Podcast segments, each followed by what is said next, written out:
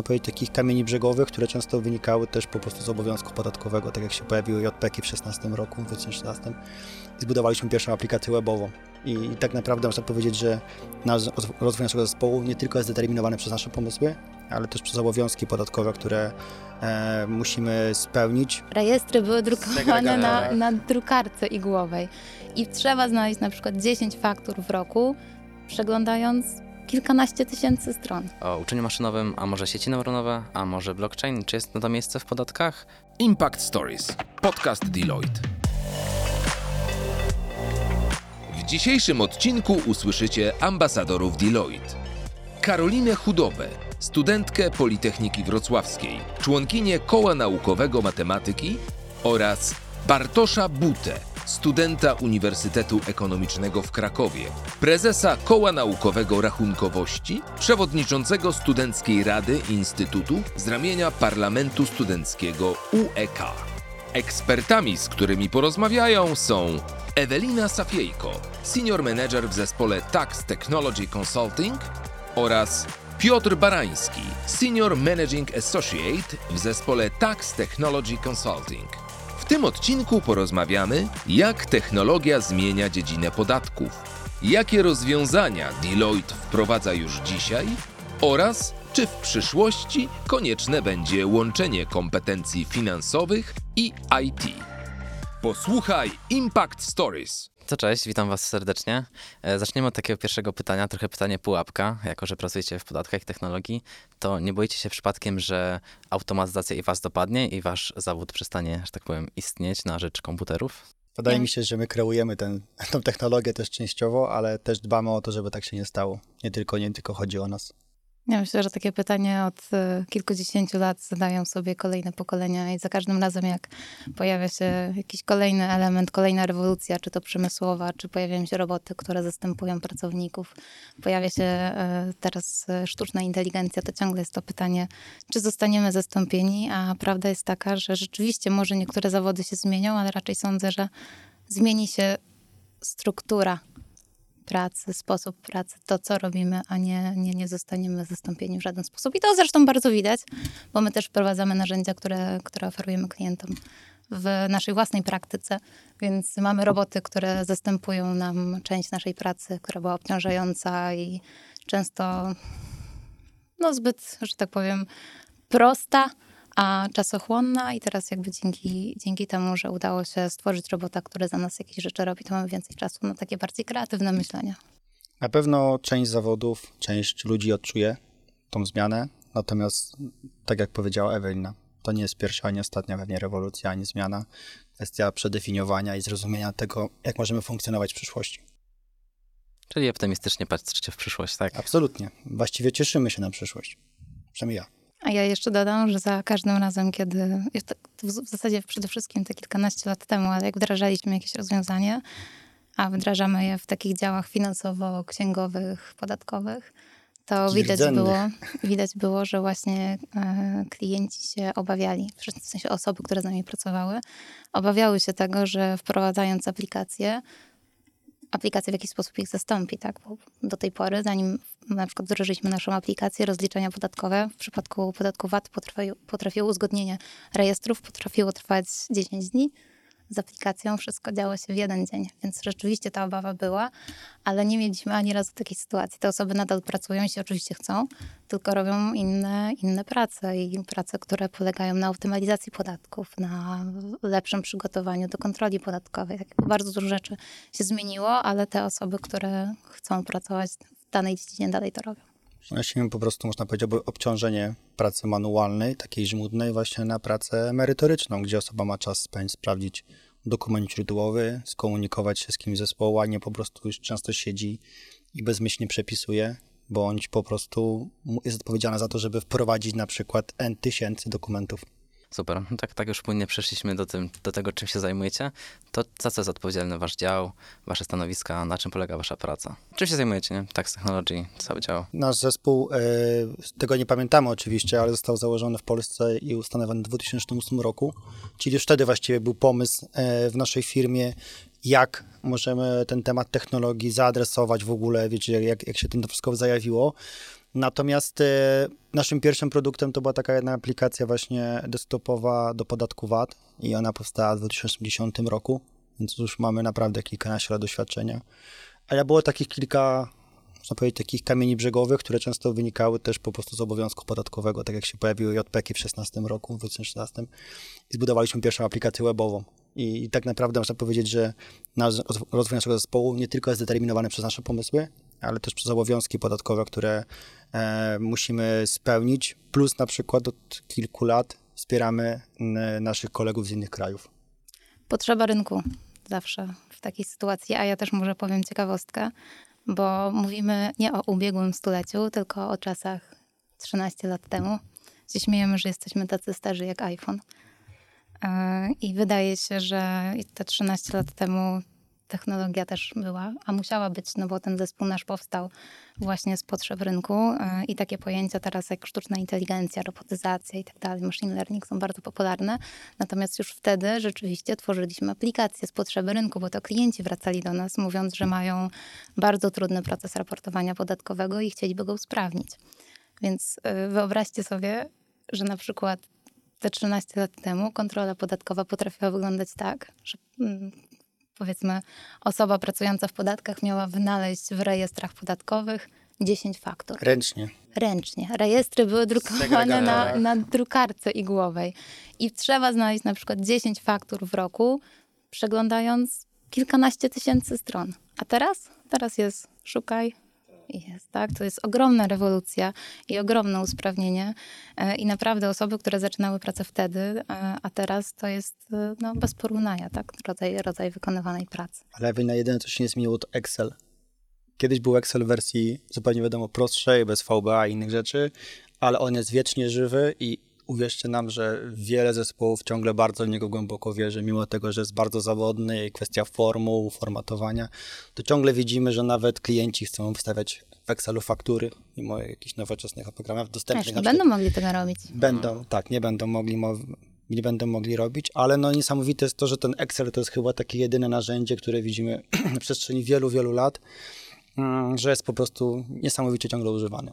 No, widziałem raz takie zdjęcie, jak jest Atlas, nie? I, i trzyma, trzyma, no wiadomo, ziemię. Jest podpis, że Excel to jest Atlas, a tak naprawdę ziemia to cały system finansowy. Także bardzo adekwatne. Jest znaczy, adekwatne. Natomiast y, też y, trzeba przyznać, że zaletą Excela jest to, że jest prosty w obsłudze. Spotykamy się z nim już na studiach, jest łatwo dostępny, stosunkowo tani, więc wszystkie małe firmy i początkujące startupy na pewno zaczynają od tego. Tak? I myślę, że prywatnie każdy z nas gdzieś tam z tego Excela korzysta, więc myślę, że on jeszcze długo, długo będzie funkcjonował, ale prawdą jest to, że dla bardziej skomplikowanych rozliczeń, takich właśnie wielotysięcznych transakcji, gdzie nasi klienci potrafią mieć 50 tysięcy transakcji miesięcznie, no Excel niestety no, nie daje rady. Tak? jest ogromne ryzyko błędu. Reguły. Jest ogromne ryzyko błędu, ogromne ryzyko utraty danych, więc y, dlatego też jakby jest nasz zespół, który wychodzi naprzeciw oczekiwaniom rynku w tym zakresie. Jaki jest profil idealnego kandydata do waszego działu? Jakie cechy powinien mieć taki kandydat? Myślę, że chęć do pracy to podstawowa cecha. Jeśli mamy osobę, która rzeczywiście chce rozwijać się w danym obszarze, jest zmotywowana, ma predyspozycje mm, dotyczące takich e, umiejętności twardych, czyli technicznych, no to na pewno jest bardzo dobry kandydat. E, z naszego doświadczenia wynika, że nie ma takiego gotowego profilu. Nie trzeba być po e, ścisłych kierunkach. Tak samo osoby po kierunkach humanistycznych odnajdują się w naszym dziale, co często jest nie nieoczywiste i wiele osób e, sądzi, że skoro jesteśmy tak, tak z technology consulting, to rzeczywiście e, tylko ktoś po politechnice bądź po kierunkach ścisłych informatycznych może u nas pracować. Natomiast ja jestem przykładem, że tak nie jest, e, bo ja ukończyłam finanse i wiele osób jest też po finansach. Także jeśli jesteście zainteresowani, a może jesteście, to zapraszamy. Ja już wspominałam, że nasz zespół jest no, już dosyć duży ale ciągle, ciągle się rozrastamy i e, w związku z tym, że jednak kobiety trochę e, obawiają się tych technologii, to e, mi brakuje koleżanek, więc zapraszam. Najfajniejsze chyba u nas jest to, że to tak z technologii powoduje, że może być osoba, która ma umiejętności, jak powiedziała Ewelina, ale otwartość na no- poznawanie nowych tematów, bo nie wymagamy, żeby na przykład ta osoba stała się doradcą podatkowym.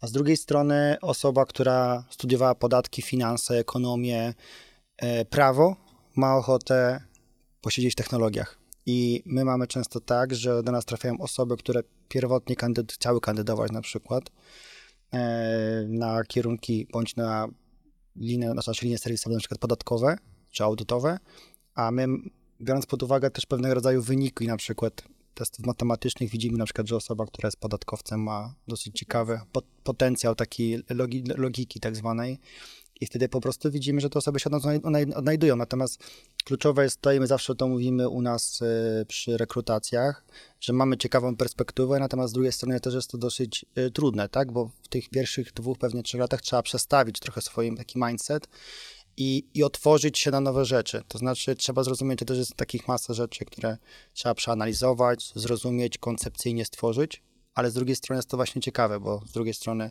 nie zawsze mamy na to tyle czasu, ile byśmy chcieli, ale na przykład właśnie zmiany w przepisach, e, regulacje, wsparcie klientów takie bardzo pilne, bo coś się wydarzyło, na przykład ich systemy nie działają, powoduje, że ten, ta praca jest naprawdę ciekawa.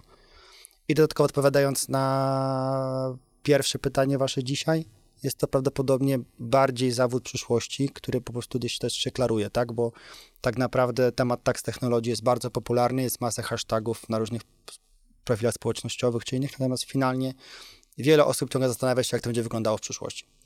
No właśnie, to jest to, o czym ja wspominałam, że teraz jest dużo takich informacji, a nasz zespół pojawił się zanim to jeszcze było modne. a ja jestem ciekawa, czy wiecie, z jakiego rodzaju największymi wyzwaniami się mierzymy w pracy? Odpowiadając trochę na pytanie, jaki profil kandydata jest idealny. Ja myślę, że wyzwanie to dostosowanie się do takich, powiedzmy, ciągle zmieniającego się prawa i przepisów. Myślę, że tak jakby e, biorąc pod uwagę tempo zmian i też w zasadzie naszą ustawę VAT, o, o, naszą, naszą ustawę o VAT, o czym rozmawialiśmy wcześ- wcześniej, że jest tak obszerna, że po prostu inne kraje mogą się schować, więc wydaje mi się, że naj, naj, naj, największym wyzwaniem to jest właśnie ogarnięcie całego tego multu informacji i nałożyć na nie korekty, poprawki, prawo, które ewoluuje. A jeśli jeszcze dodamy tego, do tego zmieniające się technologie, to mamy ciągłą zmianę w zasadzie. I to nie jest tak. klientów. I to nie jest tak, że stworzyliśmy aplikację i ona jest. Ona się cały czas zmienia, cały czas ją dostosowujemy, a to do potrzeb związanych właśnie ze zmianami podatkowymi albo do zmian w środowisku klienckim. Klienci też nabywają inne aplikacje, które muszą współpracować razem z naszą, więc e, to jest to, o czym wspominał Piotrek. W związku z tym, że ciągle coś się zmienia, ciągle coś się dzieje, taka osoba, która u nas pracuje, musi być po prostu otwarta na takie e, zmiany i takie może nie tyle chaotyczne, co po prostu zmienne środowisko pracy. No i być otwarta na słuchanie, bo tak naprawdę my wspieramy głównie największe firmy międzynarodowe, e, też duże firmy polskie i tak naprawdę często jest tak, że wdrożenie tej samej aplikacji jest zupełnie inne w każdym miesiącu u innego klienta. I nie ma czegoś takiego jak szablon. Okej, to może już wraca, może wracając do tego, co już, o czym wspomniałem, czyli o tym wyzwaniu, że prawo jest bardzo skomplikowane. Czy musi takie być? Czy według Was prawo jest skazane na bycie skomplikowanym, czy może jednak jest jakaś, jakiś złoty środek, który może inne państwa znajdują, żeby prawo jednak nie było aż tak, aż tak Regula- regulacje najczęściej wynikają ze specyfiki lokalnej. I tak naprawdę my, tworząc naszą aplikację też na przykład dla Norwegii, Rumunii czy Litwy, widzimy, że po prostu każdy kraj ma inną tradycję, inne podejście do przepisów prawa. E, inną w ogóle funkcję też przepisy mogą pełnić tak naprawdę. E, pewnie nie powinno tak być. I na przykład tak jak teraz Komisja Europejska bierze się za harmonizację tematu faktur elektronicznych w postaci widy, za kilka lat to będzie pewnie bardziej, yy, będzie tego implementacja. No, wszyscy, wszyscy marzą o harmonizacji podatków, tak, w Komisji Europejskiej, w Unii Europejskiej, natomiast jest to pewnego rodzaju złoty gral, do którego wszyscy dążą, bo na przykład podatek VAT, jeżeli jest, je- jest w ogóle możliwy, to podatek CIT, no raczej jest w ogóle bardzo specyficzny, więc to są, to są takie, wszyscy by nie chcieli skomplikowanych podatków i pewnie też one sporo utrudniają, natomiast no, ciężko stwierdzić, z czego to wynika do końca. Na pewno jest tak, że y, społecznie trochę E, Też jest inne podejście w naszym kraju niż w innych krajach europejskich czy, czy na świecie. E, U nas wszystko musi być e, bardzo dokładnie rozpisane. Jest bardzo dużo wyjątków, bardzo dużo specyficznych sytuacji e, i wiele rzeczy wynika wprost z przepisów. Natomiast są kraje, gdzie mm, takie wsparcie między Urzędem Skarbowym a podatnikiem e, wygląda trochę inaczej. No, Urząd Skarbowy bardziej wspiera niż kontroluje. Wy jesteście e, współautorami jednej z takich aplikacji, TaxCube. Jakich technologii używaliście do jej stworzenia i jakie ona niesie korzyści dla użytkowników? Y, to Tak, to może zacznę od tego, że mamy w ogóle. TaxCube stał się pewnego rodzaju, na początku był aplikacją, teraz stał się środowiskiem. I mamy dwie wersje. Jedna to jest desktopowa, czyli jest taka standardowa, można powiedzieć, aplikacja, która działa, e, jest instalowana na komputerze każdej, no, że tak powiem, oprogramowanie.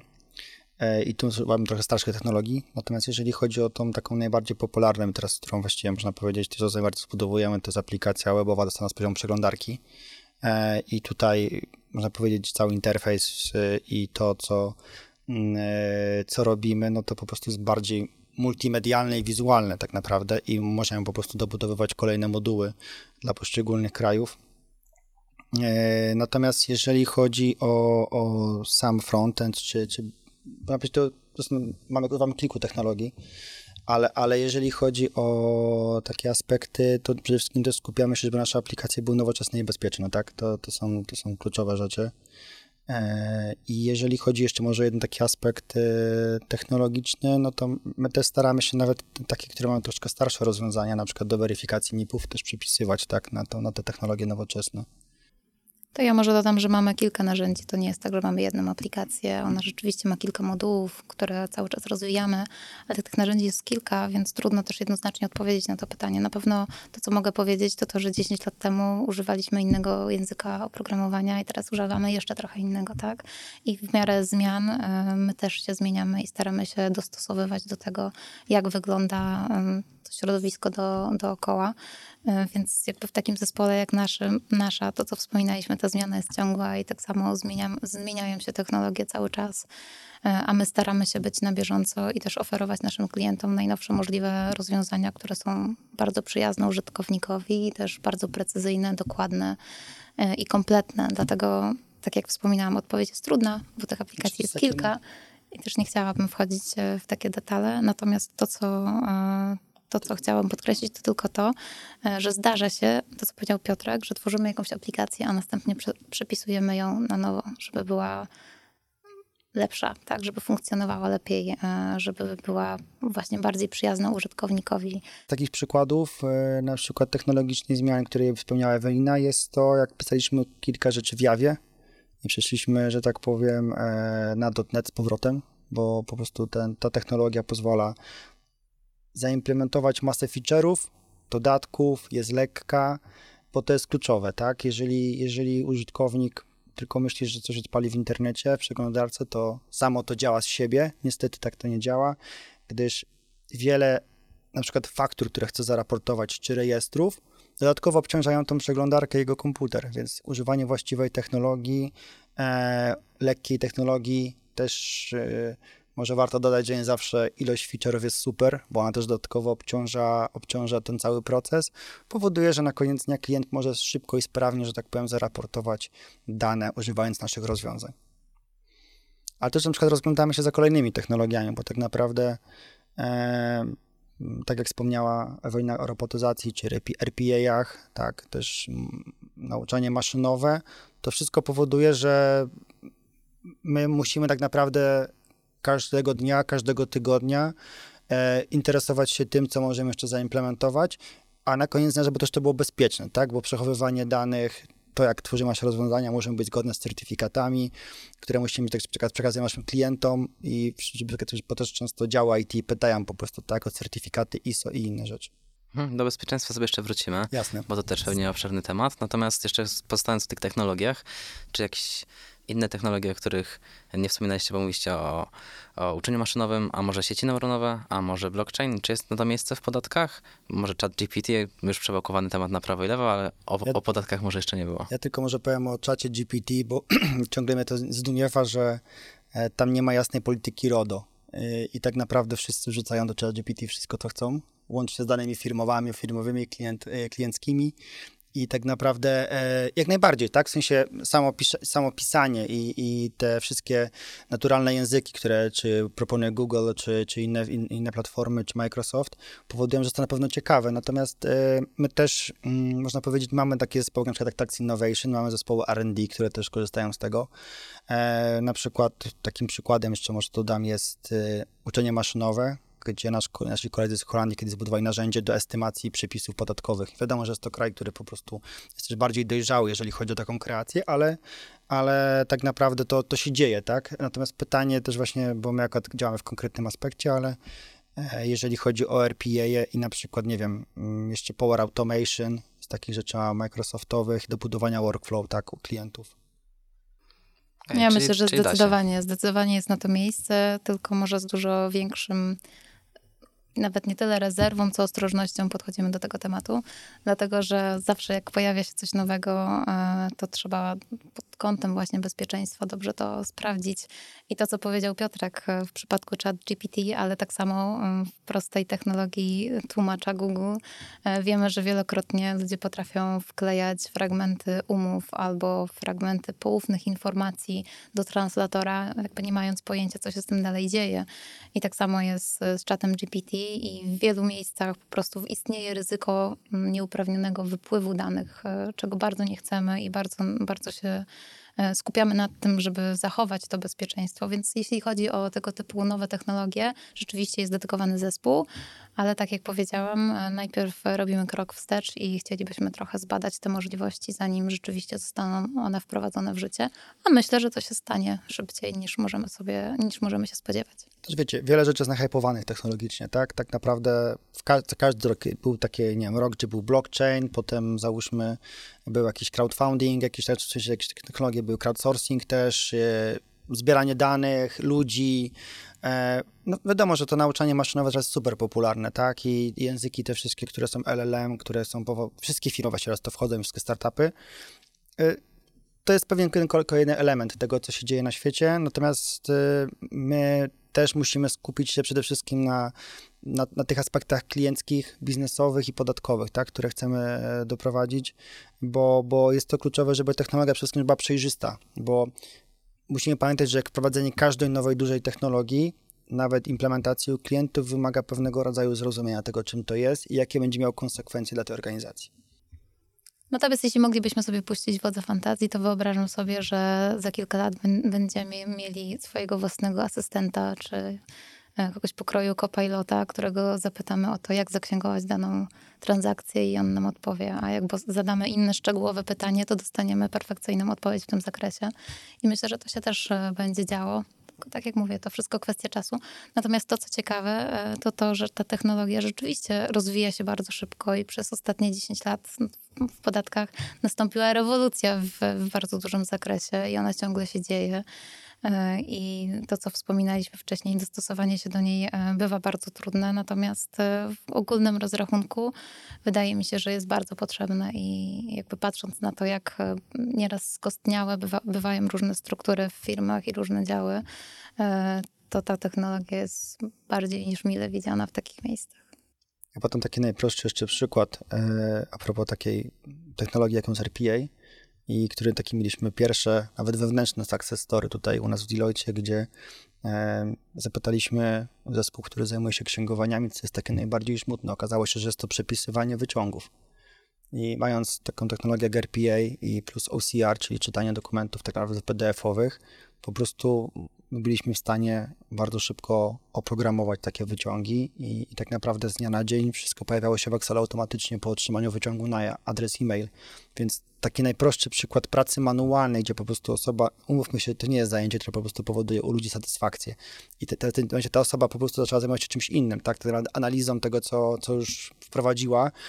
I też często osoby, które zobaczyły, jak działa technologia, będąc na przykład księgowymi czy podatkowcami, też są zainteresowani, jak to, jak to działa, bo najciekawsze w technologii jest to, że ona nie już jest super skomplikowana, nie wymaga na programowania, niesamowitej wiedzy programistycznej, tylko wiele firm e, udostępnia swoje narzędzia w postaci bloczków, gotowych projektów i tak naprawdę od razu jakimś e-learningiem, tak? I to powoduje, że technologia jest naprawdę dostępna i może ją zająć się każdy. Bez tak naprawdę większego przygotowania. No, rynek pracy też jest elastyczny, nie? więc jak, jak coś zastąpi automatyzacja, to równie dobrze ta osoba może się spróbować przebranżawiać. Nie? jeśli będzie tego chciała, tak? Czyli ta chęć do pracy i tylko będzie tego chciała. motywacja jest Pewnie. bardzo istotna. Ale też na przykład, e, powiem wam, jedną z moich pierwszych prac e, była praca w firmie outsourcingowej. Wa- Pracowałam tam bardzo krótko, ale wprowadzałam fakturę do systemu. Czyli dostawałam fakturę w formie papierowej i pozycja po pozycji musiałam ją wpisać do systemu. Teraz kiedy pojawia się możliwość ustrukturyzowania tego, czyli wszystkie faktury będą dostępne już w formie elektronicznej ustrukturyzowanej, taka praca nie będzie musiała być wykonana. Wszystko może wykonać aplikacja. To aplikacja może pobrać dane z określonego miejsca i automatycznie zaciągnąć je do systemu. Więc tu znów mamy ogromny obszar do, do usprawnienia i te osoby, które wprowadzały te faktury ręcznie, rzeczywiście może już nie będą musiały tego robić, ale być może będą je weryfikować, może będą miały czas na to, żeby sprawdzić, czy faktura jest poprawna, czy właściwie alokowana do właściwego okresu, do właściwego klienta, do, właściwej, do właściwego projektu. Więc e, tak jak wspominałam wcześniej, to, to nie, nie spodziewamy się zastąpienia e, ludzi, a raczej zmiany ich e, sposobu pracy i, i tego, co robią, e, a nie, a nie czy w ogóle robią, tak?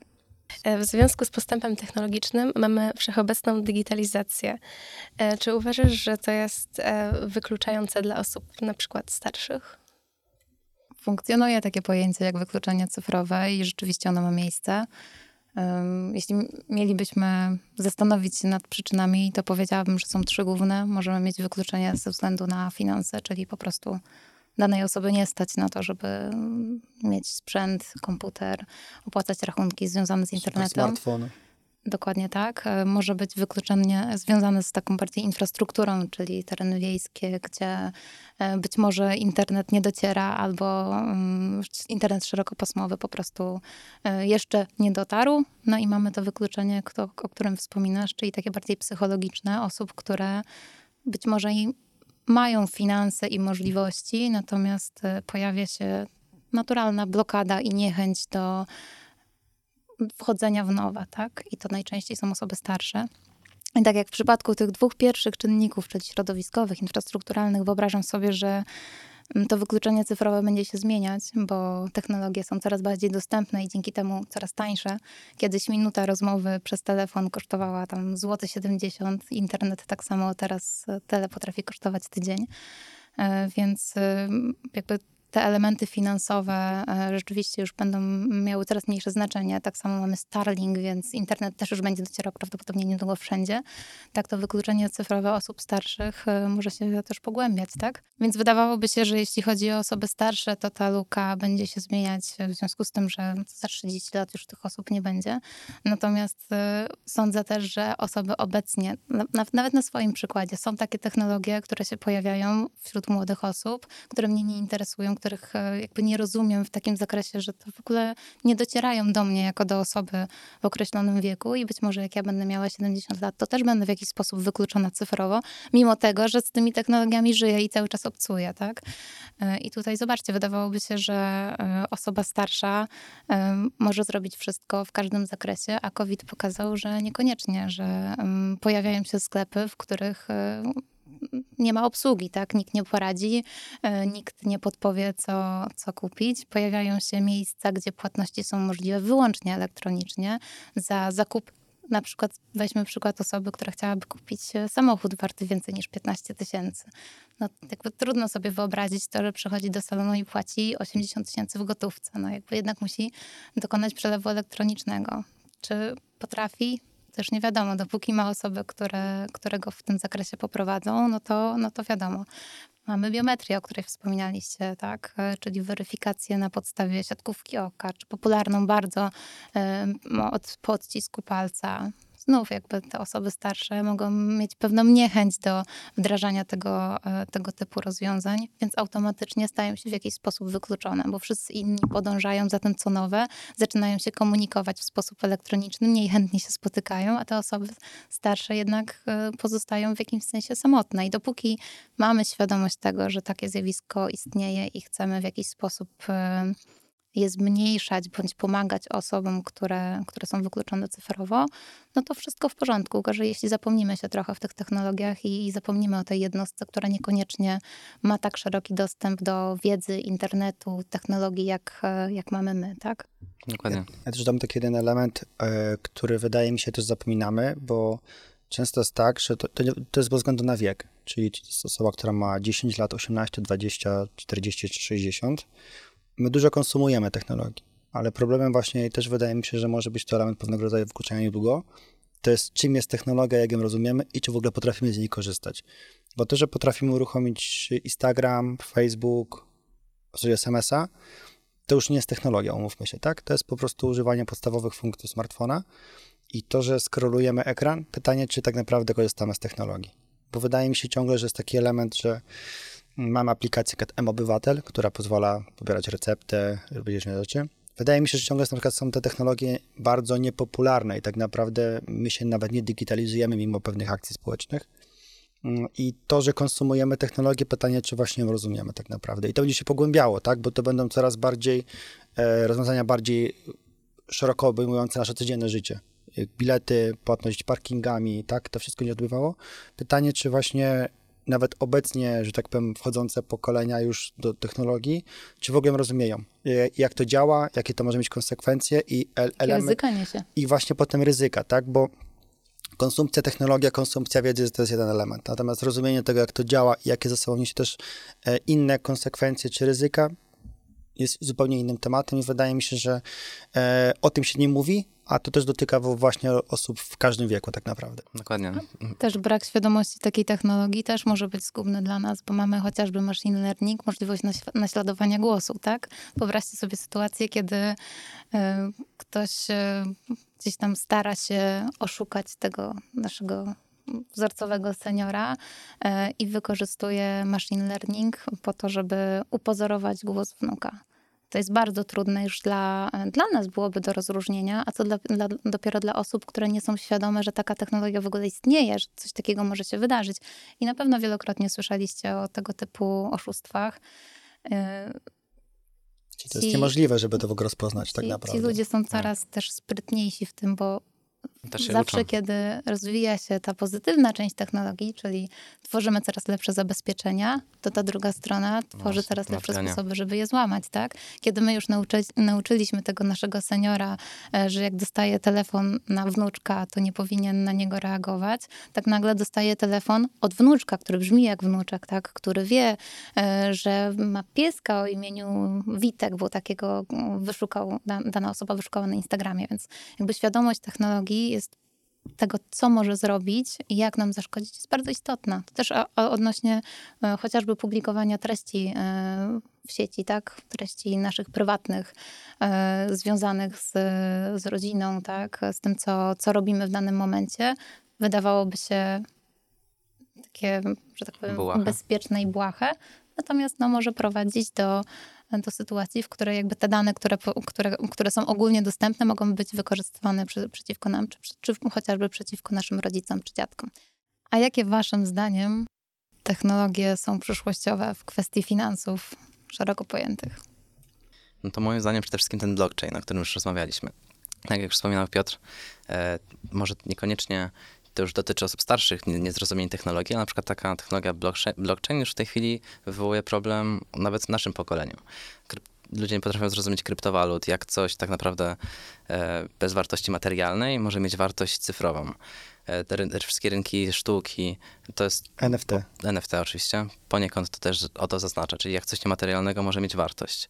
No i wydaje mi się, że też na tym się opiera cała waluta cyfrowa, która już niedługo będzie tak naprawdę naszą teraźniejszością, że może wyprzeć gotówkę. Mm, To jest kwestia sporna, czy, czy mamy nadzieję, że tak, czy mamy nadzieję, że nie, ale też dochodzimy już do tego wykluczenia. Co Znaczy Czasem- gotówkę to prędzej chyba pieniądz elektroniczny wyprze jako taki, czego też się nie spodziewaliśmy, ale wszystko ku temu zmierza. Czy będzie tak z kryptowalutami, to ja chyba należę do tego pokolenia, które też jest ostrożne w tym temacie. E, Za każdym razem e, jakby rozumiem, że coś może mieć wartość, e, mimo że jest nienamacalne, to ma swoją wartość, bo widzę za każdym razem swój rachunek bankowy, tak? I mimo, że nie widzę tych pieniędzy, to wiem, że je mam. Natomiast jeśli chodzi o kryptowaluty, to jest to temat bardzo szeroki i też trudny. Nie tylko dla nas jako użytkowników, ale też do odpowiedniej regulacji. Tak, To- to, to przede tak- wszystkim. Ale też warto wspomnieć, że mamy na rachunku bankowym środki, ale w czym one są, że tak powiem, zabezpieczone?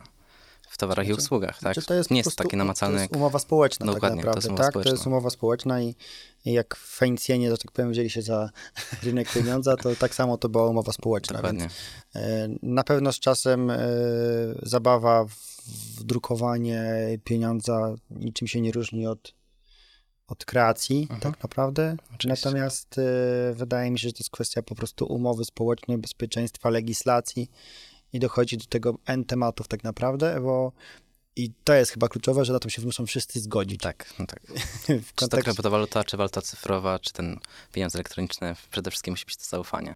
Bo w pieniądzu elektronicznym jeszcze niestety pokutuje takie przekonanie, że jak ktoś ma pieniądze w banku, to one gdzieś są zabezpieczone Dokładnie. w skarbcu, dokładnie w tej wartości, ile mamy jako użytkownicy banku na swoich kontach. A to oczywiście jest nieprawda, bo Rezerwa obowiązkowa i inne. tak, i istnieje możliwość kreacji pieniędzy. Oczywiście. E, Więc jakby ten pieniądz elektroniczny już jest w obiegu, już trochę do niego przyzwyczailiśmy, że jest e, i potrafimy płacić kartą, płacić telefonem, e, płacić zegarkiem, to już jest powszechne, więc całkiem możliwe, że niedługo będziemy płacić kryptowalutami, ale wydaje mi się, że ten proces będzie jednak trochę um, wolniejszy niż w przypadku pieniędzy elektronicznych, ze względu na wiele niewiadomych, które jeszcze gdzieś tam funkcjonują, no i przede wszystkim tej kwestii re- regulacyjnej. E, A w jaki sposób postęp technologiczny wpływa na bezpieczeństwo w sektorze finansów? że finansów jak najbardziej i, i podatków i w ogóle, to często nawet dosyć ciekawie się obserwuje, jak się banki odnoszą do wielu zmian. Do, do tego, co się dzieje, wycieki, jak są, prawda, jak są te przerwy, wszystkie, które nie mamy dostępu do naszego konta. E, I tak naprawdę wydaje mi się, że bezpieczeństwo nie tylko pieniądza, ale danych, umów, e, tego, co mówiliśmy dzisiaj o tym chat GPT, czyli to, jak łatwo możemy wprowadzić swoje tak naprawdę prywatne dane bądź dane firmowe